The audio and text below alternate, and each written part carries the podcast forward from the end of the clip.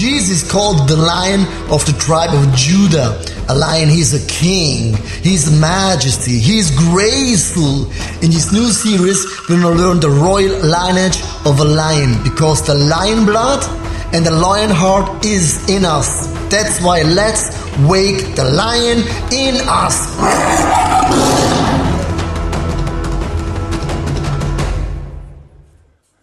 Wow. Já vím, co jste čekali, ale někteří z vás, protože jste mě viděli kázat v téhle sérii a vždycky jsem měl to pokušení zarvat jako Leo Biggers ICF Zurich, kdy do něj nahráli ten řev toho lva, tak jsem si říkal, že vám to pomůžu trošku nastartovat jinak, aby váš mozek se zachytil hned na začátku. Chci tě tady opravdu z celého srdce přivítat v ICF, v církvi, kde chceme následovat Ježíše z celého svého srdce a my pokračujeme téhle sérii Lví srdce, Lionheart a bavíme se o tom, že Ježíš byl přirovnávaný k beránkovi, že je přirovnávaný k beránkovi a taky se bavíme o tom, že je přirovnávaný k lvu a bavíme se o tom, jak tenhle Ježíšův charakter lva můžeme obtisknout do našeho vlastního života. A lev má už od narození jednu vrozenou vlastnost, kterou se nemusí učit. On má vrozený instinkt chránit svoje území a chránit svoji smečku, která na tom území žije. A i my lidé, tady ti lidé, jako nakreslil jsem kluka i holku, to je můj osobní umělecký vklad do tohohle kázání, my lidé abyste se mohli najít, tak jsem tam napsal, nakreslil oba dva. Se, se uh, mám, rodíme s tímhle instinktem bránit to, na čem nám záleží. Takže máme svoji rodinu, tak nám záleží na, na naší rodině, snažíme se jí bránit. Možná máš svoji církev, tak se ji snažíš bránit. Tady máš možná svoji small group nebo kamarády, tak se je snažíš bránit, chránit. Máš, máš firmu nebo chodíš do zaměstnání, máš toho nějaký příjem, takže se snažíš chránit svoje příjmy nebo svůj majetek, který jsi nějakým způsobem těma příjmama vydělal. Někteří chtějí, chtějí chránit svoji vlast, protože jsou hrdí na svoji vlast a možná máš nějaké svoje vlastní věci, které by si chtěl chránit, takže jsem tady vytvořil prostor i pro to, co máš ty, protože nevím přesně. Takže každý z nás máme prostě v sobě ty, tyhle věci a tuhle potřebu a máme ty věci, na kterých nám záleží a které chceme chránit. A ještě, když jsem bydlel s Kristýnou v jiném městě, tak za mnou přišel můj kamarád ve chvíli, kdy jsem stál na chodbě ve třetím patře budovy, kde, kterou si církev, ta, ta, ta, ta církev, kde jsme chodili, eh, měla pronájem a řekl mi, dole někdo hodně ošklivě mluví s tvojí manželkou Kristýnou a vypadá to, že Kristýna se asi brzo možná i rozbrečí. Takže já jsem všeho nechal a neřešil jsem, jestli Kristýna někoho vyprovokovala, jestli udělala nebo řekla něco špatně, jestli si to zaslouží nebo ne. A šel jsem prostě dolů s tím, že ať už je to kdokoliv a ať už má důvod jakýkoliv, tak prostě nejdřív ho spacifikuju jakýmikoliv prostředky a zachráním svoji Kristýnu. Jo, prostě rytíř na bílém koni nasedl, vytáhl meč, prostě bez brnění, to bylo jedno. A když jsem tam dorazil, tak nějaká jiná žena pucovala Kristýnu tak tvrdě, ale to okamžitě skončilo ve chvíli, kdy jsem přišel. Ne proto, že by se mě lekla, ale proto, že já jsem začal. A začal jsem hodně nehezky, jsem se do ní pustil bez ohledu na to, že to bylo v církvi, že kolem mě stáli ostatní, aj, aj, pastore, křesťaní kolem tebe stojí. Jo, tak nebyl jsem pastor, takže to bylo mnohem jednodušší, nemusel jsem si brát servítky prostě a nenechal jsem na té paní ani nitku suchou. A nebylo to proto, že jsem byl na kurzu eh, proč bránit manželku a jak, a že bych po té, co mi to kamarád oznámil, že se dole něco děje, že bych otevřel teda svůj notýsek, co se dělá v situaci, když někdo eh, pucuje tvoji manželku. Ne, prostě najednou to ve mně bylo, automaticky to nastoupilo, nikdo mě to nikdy neučil, ale fungovalo to skvěle. A jsou okamžiky v našem životě, kdy si nemůžeme pomoct a jdeme a chráníme. Chráníme svoji rodinu, chráníme svoje přátele, chráníme ten majetek a prostě chráníme ty všechny boží požehnání, který nám Bůh dal. A v Bibli, v knize Genesis, se píše, že Bůh postavil člověka, Adama, do zahrady Eden, aby dělal dvě věci, aby ji obdělával a aby ji chránil, aby ji střežil. A tam přišel had a pokoušel Evu a Adam selhal. A teď ještě přeskočím, protože že jo, vy znám, známe ten příběh. Za, za, za Evou přijde hád, nabízí jablko, jo, vypadá to super, všechno, prostě nabídka, poptávka, všechno funguje. Prostě dojde k tomu, Bůh přichází a říká, Adame, co se stalo? Jo, proč se to stalo? Jak to, že se to stalo? Adam říká, no bože, to ta žena, kterou ty si mi dal. Takže Adam zjevně našel, eh, zjevně našel dva vyníky, že to žena Adam a, a Bůh. A Bůh říká, ne Adame, ty jsi měl úkol, ty jsi měl chránit zahradu. Měl si ji chránit i před tím hadem. A když vedeš církev, tak to znamená, že ji chráníš. Nebo když vedeš svoji rodinu, znamená to, že ji chráníš.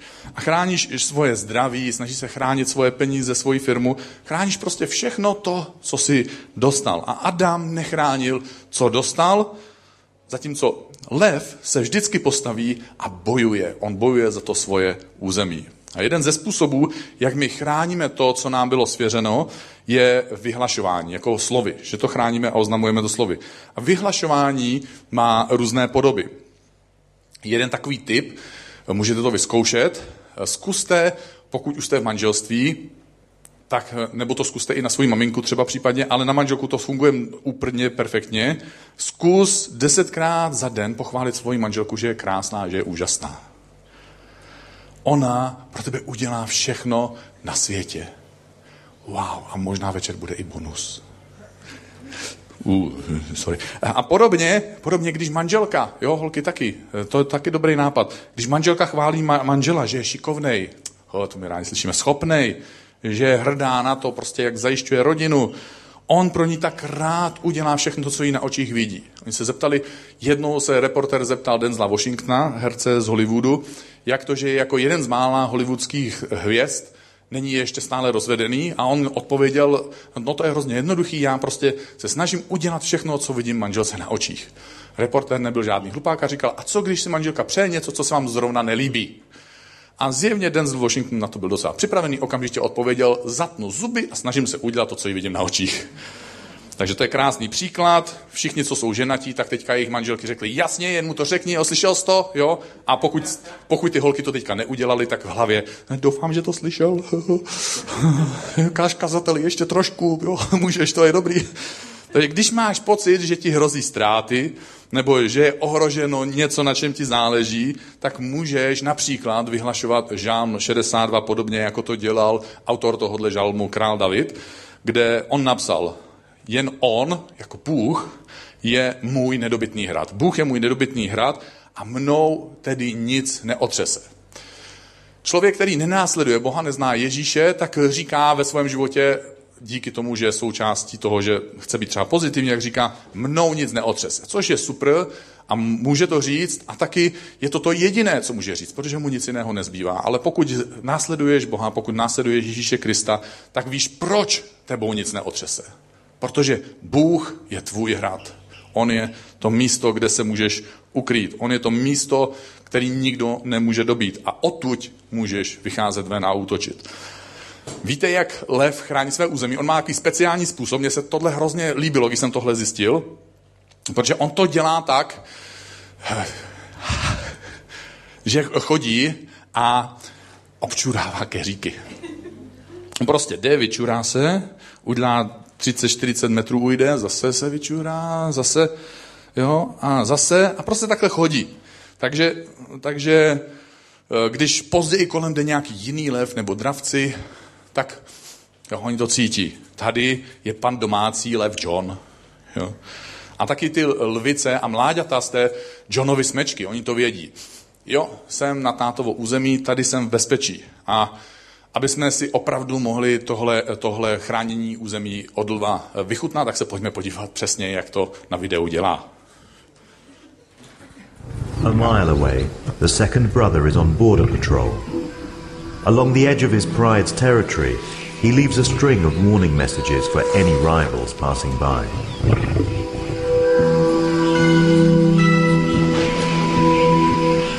Drenched in his pheromones, the bushes act like beacons. Clear no entry signs for other males.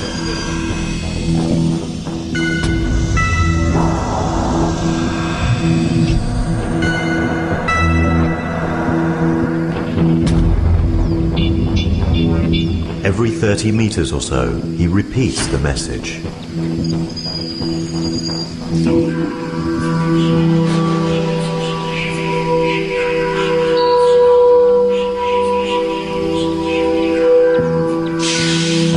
Impregnates his feet with scent.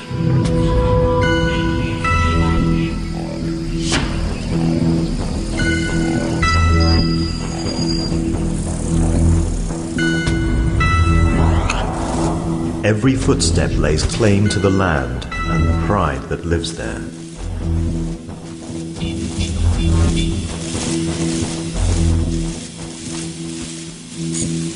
Each brother leaves thousands of scent prints every day, and neighboring pride males do the same, carving up the land into their separate territories. But in the no man's land between, there's space for others to survive. The pride males' rivals, nomad males, waiting for any chance to seize power.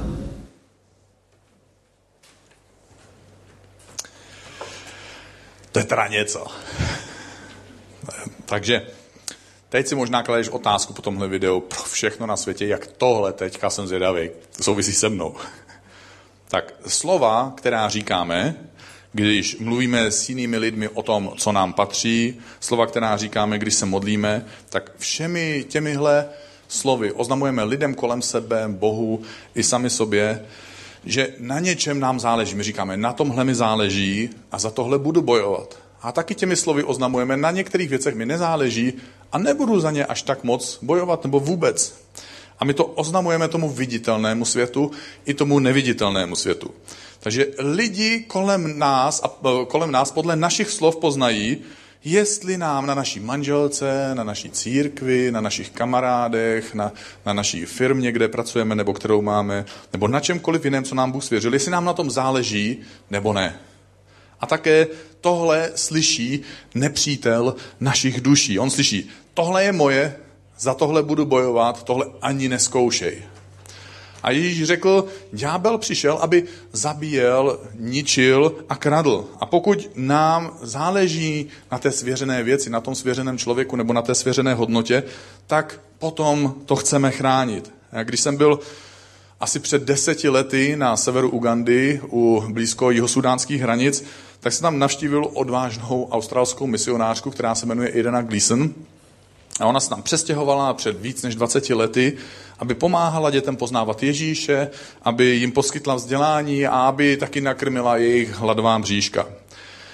A vyprávěla, že po čase jí opustil manžel a ona tam zůstala se svým karavanem a přes den s ní byly desítky, možná časem i dokonce stovky dětí, a které krmila, učila a vyprávěla jim příběh Ježíše Krista, ale v noci byla v tom karavanu opodál kousek za vesnicí. A po pár letech jejího pobytu začala v Ugandě válka a Irena se bála o své bezpečí a o svůj život. Já jsem si ptal, proč si tam zůstala, vždyť všichni by to přeci pochopili, všichni ti, co tě finančně podporovali, že prostě je tam válka, tvůj manžel je pryč, takže prostě to není snadný, jsi tady ženská sama, tak prostě by si odjela, až by to skončilo, by se zvrátila. Ona říkala, no jo, Danieli, ale já už jsem tou dobou tady měla stovky dětí a nedokázala jsem ho opustit. Takže ona tam zůstala z lásky k dětem, ale současně měla nejenom v sobě tu lásku, ale současně měla i strach, strach o ten svůj život a o svoje bezpečí v noci. A postupně časem nacházela v Biblii větu za větou, verš za veršem, kde se píše o tom, jak nás Bůh chrání. A každou takovou větu si napsala nesmivatelnou fixou na svůj karavan zvenku i zevnitř, aby ty věty viděla, mohla se je modlit, aby si je připomínala, aby je mohla vyhlašovat v modlitbě a kdykoliv byla venku i vevnitř. A časem tyhle citáty zaplnili ten karavan zvenku i zevnitř. A jednou v noci viděla, jak se k ní džunglí blíží řada pochodní. A v ty pochodně používali rebelové. Takže zaběhla do karavanu, zavřela za sebou dveře, vlezla do postele, přiklina se peřinou, jako by peřina mohla někoho zachránit, ochránit před něčím. A za chvíli se dveře karavanu rozlítly, ona slyšela ten dupot uvnitř, oni se ty dveře nerozlítly, oni je úplně urvali z těch hliníkových pantečků a někdo z ní strhnul tu peřinu a když se to stalo, tak uviděla karavan plný rebelů, samopál na nich mířil, v ruce byly mačety a ona to o mnoho let později, když jsem za ní byl, popisovala takhle, já nevím, říkala, nevím, co se to se mnou stalo. Měla jsem totiž uvnitř hrozný strach ale najednou jsem zjistila, že stojím na posteli a že na ně ukazuju prstem a křičím na ně, Bůh je se mnou, já jsem boží služebník a kdo se mě dotkne, potom Bůh půjde. Ani netuším, jestli mi rozuměli. Ale ten velitel něco vykřikl, oni se otočili a zmizeli z karavanu a jeden z, voja, jeden z těch rebelů mi ukradl videokameru a rádio. A jsem pak seděla ve tmě, venku, brečela a stěžovala jsem si Bohu. Bože, tolik slibů, že se mi nic nestane. Jak je možné, že se mi tohle stalo? A podle jejich slov to bylo poprvé a taky naposledy, kdy měla pocit, že k ní Bůh mluví slyšitelným hlasem, jako by ho mohla slyšet svojima vlastníma uči, ušima a říkal, říkal jí, proč brečíš? Nikdo se tě ani nedotknul, nikdo ti neskřivil ani vlas na hlavě. A to byla pravda. A týden na to jí vládní vojáci donesli rádio a videokameru, kterou rebelové ukradli, protože jeden z těch rebelů se jí v blízkém městě pokoušel prodat a ten kupující se chtěl ujistit, jestli ta kamera funguje a na tom záběru uviděl stovky dětí, které jsou v červených košilích a zpívají písně o Ježíši. A tou dobou široko daleko lidé věděli, že jediné děti v červených košilích, které chválí Ježíše, jsou děti té australské misionářky Ireny Gleason a tak poslal svého pomocníka pro pomoc. Vojáci zatkli rebela a skrze ně potom zatkli celou tu skupinu a vrátili jí rádio i kameru. Navíc ti lidé z místní vesnice, ti starší z místní vesnice se shodli, že Irena už dál nemůže bydlet v tomhle karavanu a poslali muže, kteří ji postavili zděnou budovu s mřížema v oknech a s mřížema ve dveřích, které se dali zamykat. A Bůh tím pádem se ukázal jako věrný ve všech svých slibech. A my, když v modlitbě vyhlašujeme Boží slovo, tak je v tom úžasná moc Protože tvoje rodina, tvoje děti, tvoje finance, kamarádi, věci, za které jsi odpovědný, to všechno je skrze tuhle modlitbu pod boží ochranou. A my to vyhlašujeme, že to patří nám a spolu s námi to všechno patří Bohu. Druhý způsob, jakým lev chrání svoje území, popisuje prorok Jeremiáš, protože podobným způsobem ho chrání i Bůh. A říká, Bůh vydává hřev z výšiny, ze svého svatého obydlí vydává svůj hlas. On hlasitě řve nad svou nivou, nad svým úrodným údolím.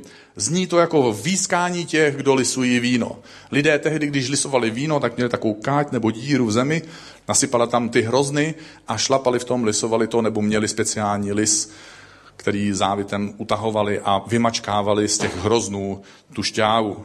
A v tom očekávání, co z té šťávy bude. Jo, všichni, kdo pijí alkohol, tak vědí, že prostě mají se na co těšit, takže už se to blíží, už se to blíží.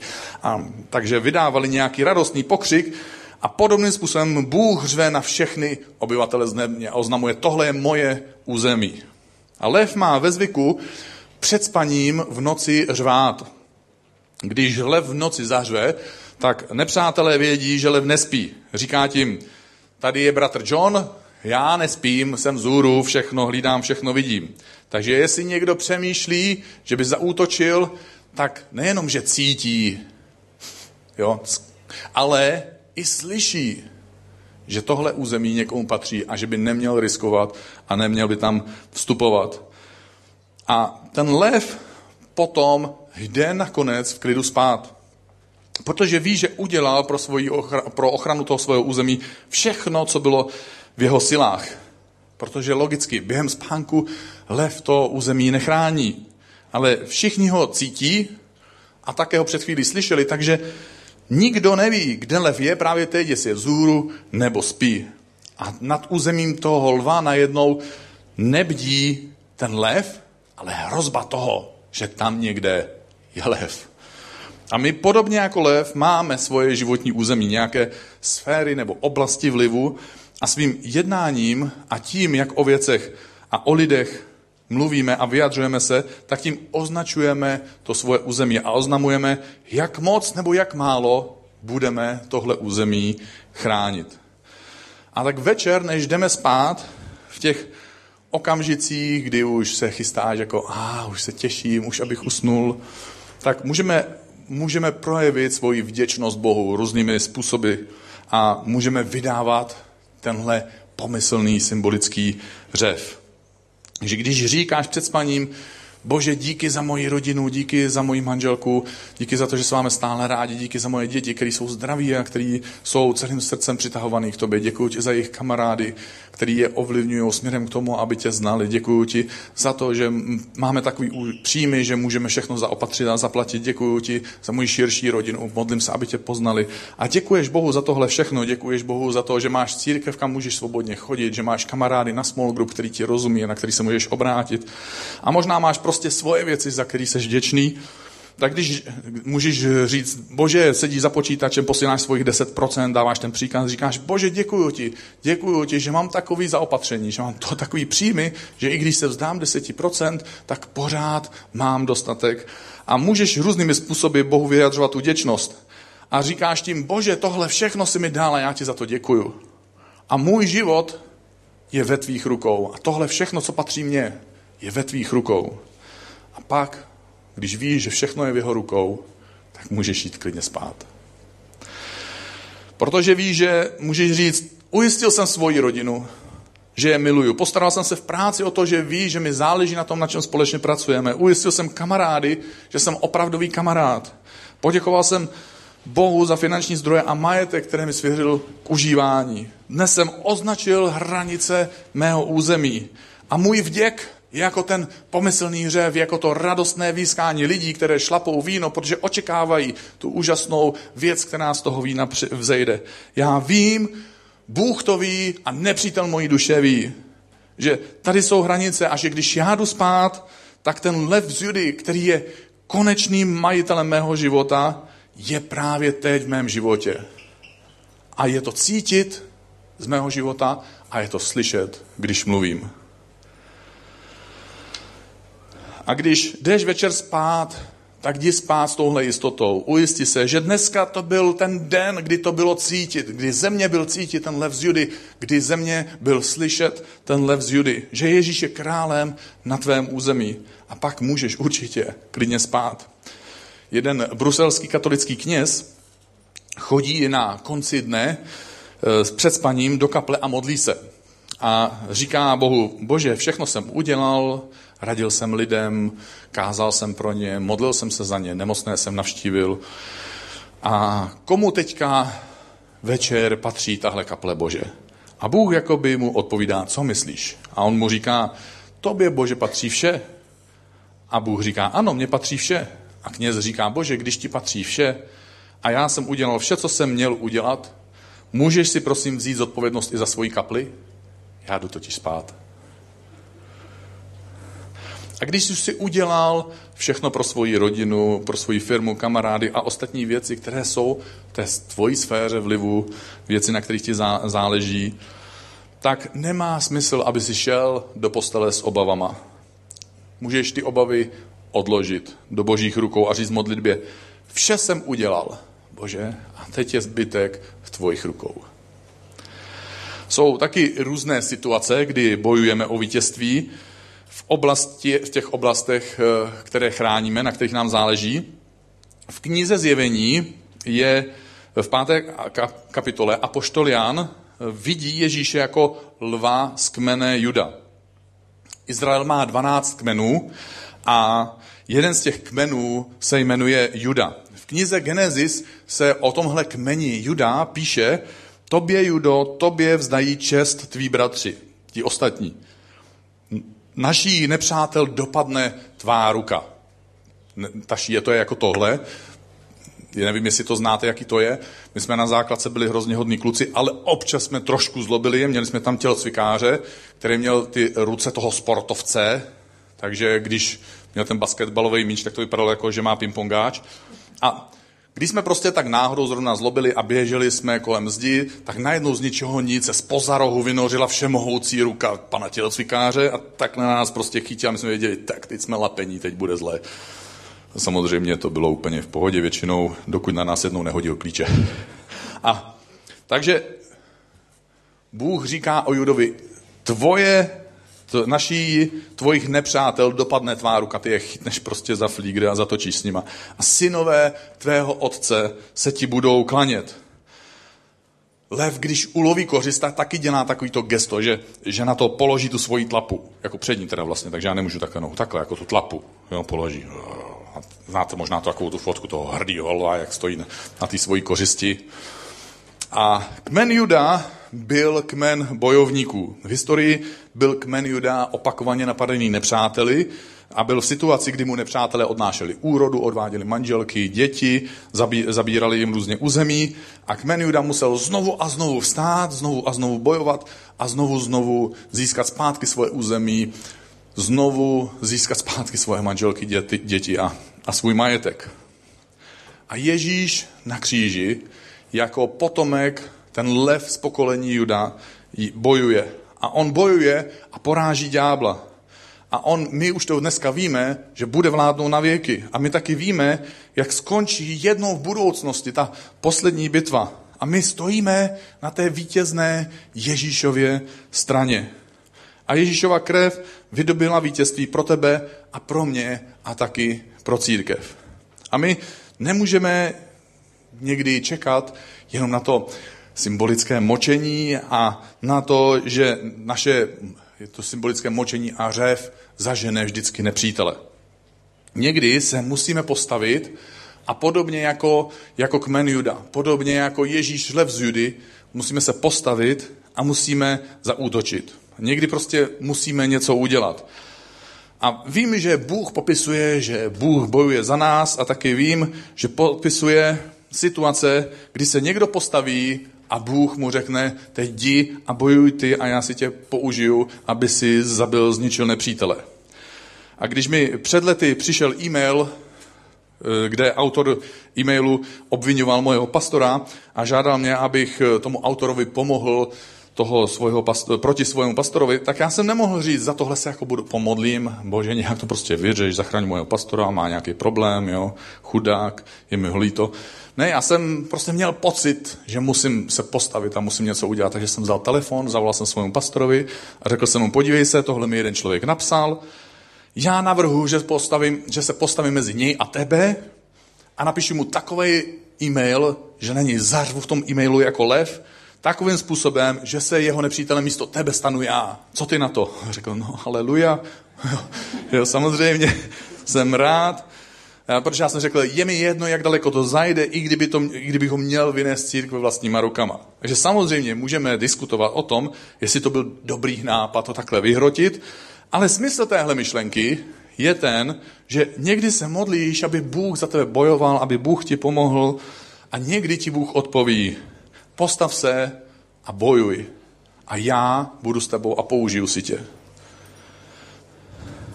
Je to super, když Bůh bojuje za tebe, ale někdy Bůh pošle tebe, aby si bojoval ty. A když bojuješ, tak si musíš uvědomovat a připomínat sám sobě, že nebojuješ proti lidem, protože je to hrozně snadné v tom boji sklouznout do toho, protože vidíš toho člověka, chceš to prostě vyřešit, tak to zatneš. Ale v dopisu efeským apoštol Pavel píše, my nevedeme svůj boj proti lidským nepřátelům, ale proti mocnostem, silám a všemu, co ovládá tento věk tmy, proti nadzemským duchům zla. Opakem tohohle aktivního přístupu, kdy Bůh nás ve, aby jsme bojovali, je vítězství, které získáváme, když jsme trpěliví. Když hlev hlídá své území, může nastat situace, že na to jeho území se nevplíží jiný lev, ale že se tam vplíží kobra.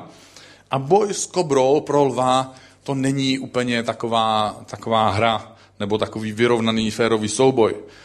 Je, protože je to stejné jako souboj s tím, co apoštol Pavel popisuje v té větě v dopisu Efeským, kterou jsme před chvílí četli, že bojujeme proti nadzemským duchům zla a najednou je to trochu jiná hra. A v takovém boji někdy křesťan může udělat jednu ze dvou chyb. Buď se cítí méně cený a má pocit, že ten náš duchovní nepřítel je prostě veliký, takže jako nepřekonatelný a my, v nás ten lev se promění v takovou kočičku.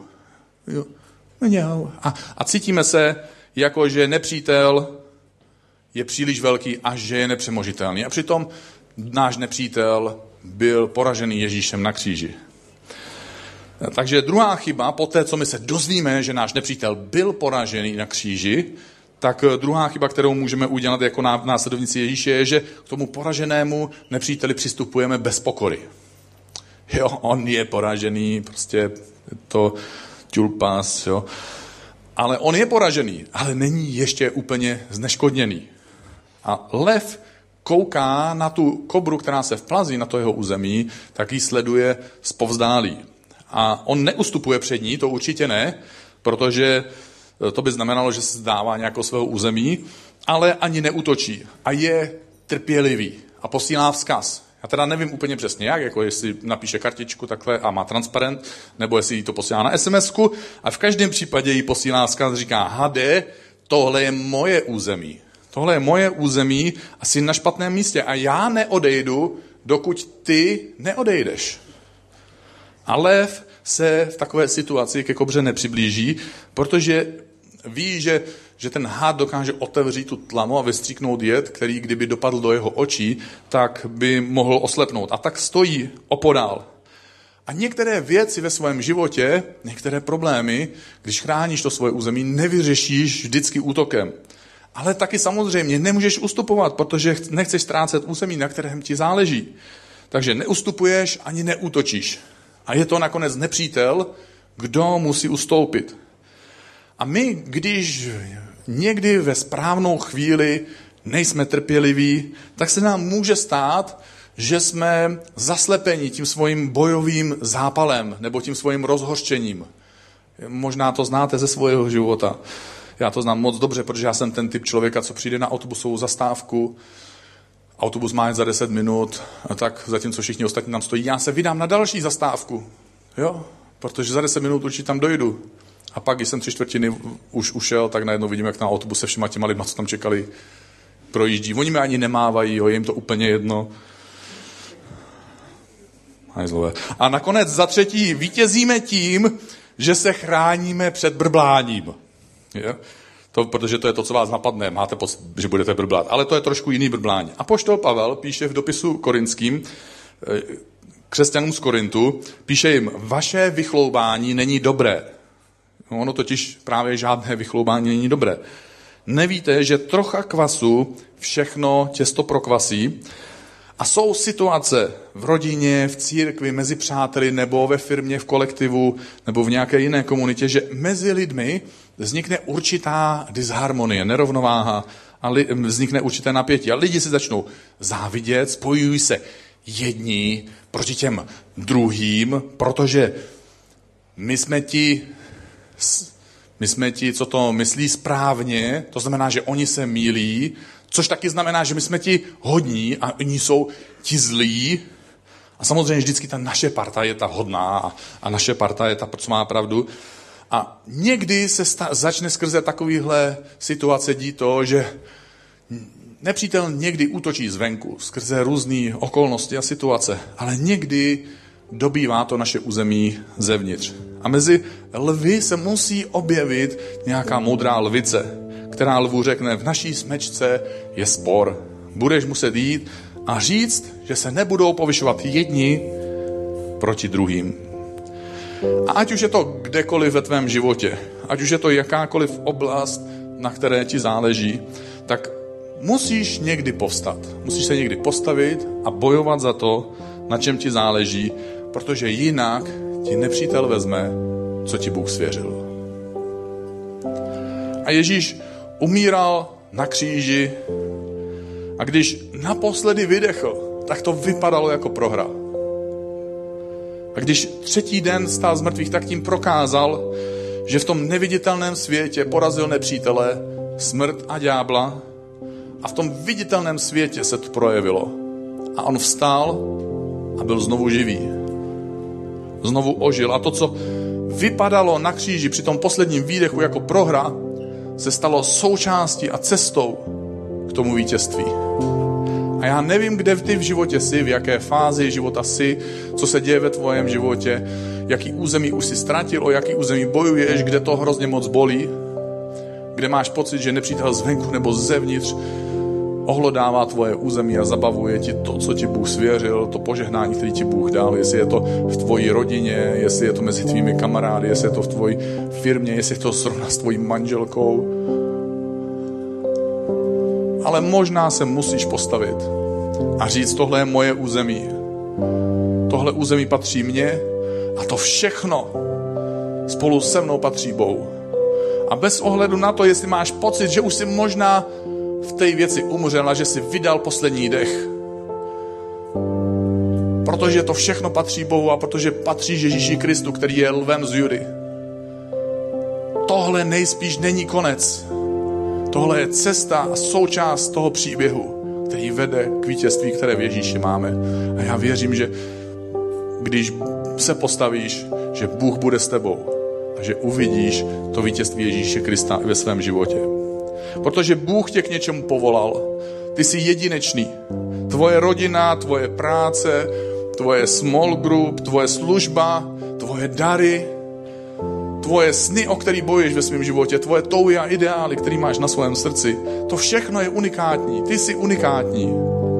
Takže tě chci pozvat, postav se a bojuj o to území, které ti Bůh svěřil. A jestli chceš, tak se pojď se mnou postavit a pojďme se chvíli modlit. Bože, dnešní večer my stojíme tady na tomhle místě a Bože, každý z nás máme ty svoje území, na kterých nám záleží. Máme, máme ty místa, kde jsme něco ztratili, protože jsme rozhádaní se svojí rodinou, se svými rodiči, se svými kamarády, ztratili jsme spojení se svými kolegy, protože se nám staly tragické věci, tragické spory. Nepřítel přišel zvenku, nepřítel přišel zevnitř a jsme rozdělení. Bože, bojujeme ve svých firmách, bojujeme ve svojí škole, bojujeme ve svých rodinách. A Bože, my dneska vyhlašujeme to, že jsi Bůh, který je velký, že jsi Bůh, který je náš hrad a že znovu a znovu můžeme přijít do toho hradu k tobě a že můžeme znovu a znovu se ozbrojit, znovu a znovu se posílit a znovu a znovu můžeme výjít ven a že s námi nic neotřese Bože, ty jsi Bůh, který je s náma a všechno, co máme, nakonec patří tobě, Bože. A tak ti dáváme všechno to, co ve svém životě máme. Bože, ať si ty tím majitelem. A Bože, děkujeme ti podobně jako ty lidi, kteří šlapou ty hrozny, protože mají očekávání toho vína, toho, toho že se budou moc znovu radovat. Tak se, Bože, radujeme a vztahujeme k tobě a děkujeme ti za to všechno, co jsi nám dal. Že máme dostatek financí a můžeme žít tu životní úroveň, kterou máme a která je mnohem lepší, než většina lidí na světě má. Děkujeme ti za to, že máme kamarády, že máme církev, kam můžeme přijít, že máme věřící, kteří jsou pro nás posilou a pozbuzením. Děkujeme ti, že máme místo, kde můžeme přijít a uctívat tě společně, nikdo nám nebrání. Děkujeme ti za naše rodiče, které si nám dala, kteří vložili tak moc svojich nadějí, svojí energie, svojich zdrojů do našeho života v naději, že z nás budou úžasní lidi a že prožijeme lepší život než oni. Bože, děkujeme ti za, za naše kamarády a za to, že my můžeme být kamarádama jiným. Děkujeme ti za místo, kde máme kolegy v práci. Bože, děkujeme ti za každou svoji oblast svého života a radujeme se z toho, že jsi nám to dal a že tohle všechno je dar od tebe a my ti to vracíme zpátky. Chceme vědět, že můžeme jít kdykoliv v klidu spát, protože z nás je vidět a z nás je cítit, že ty jsi lev z Judy, který je v našem životě. A že všechno, co je v našem životě, patří tobě. Amen.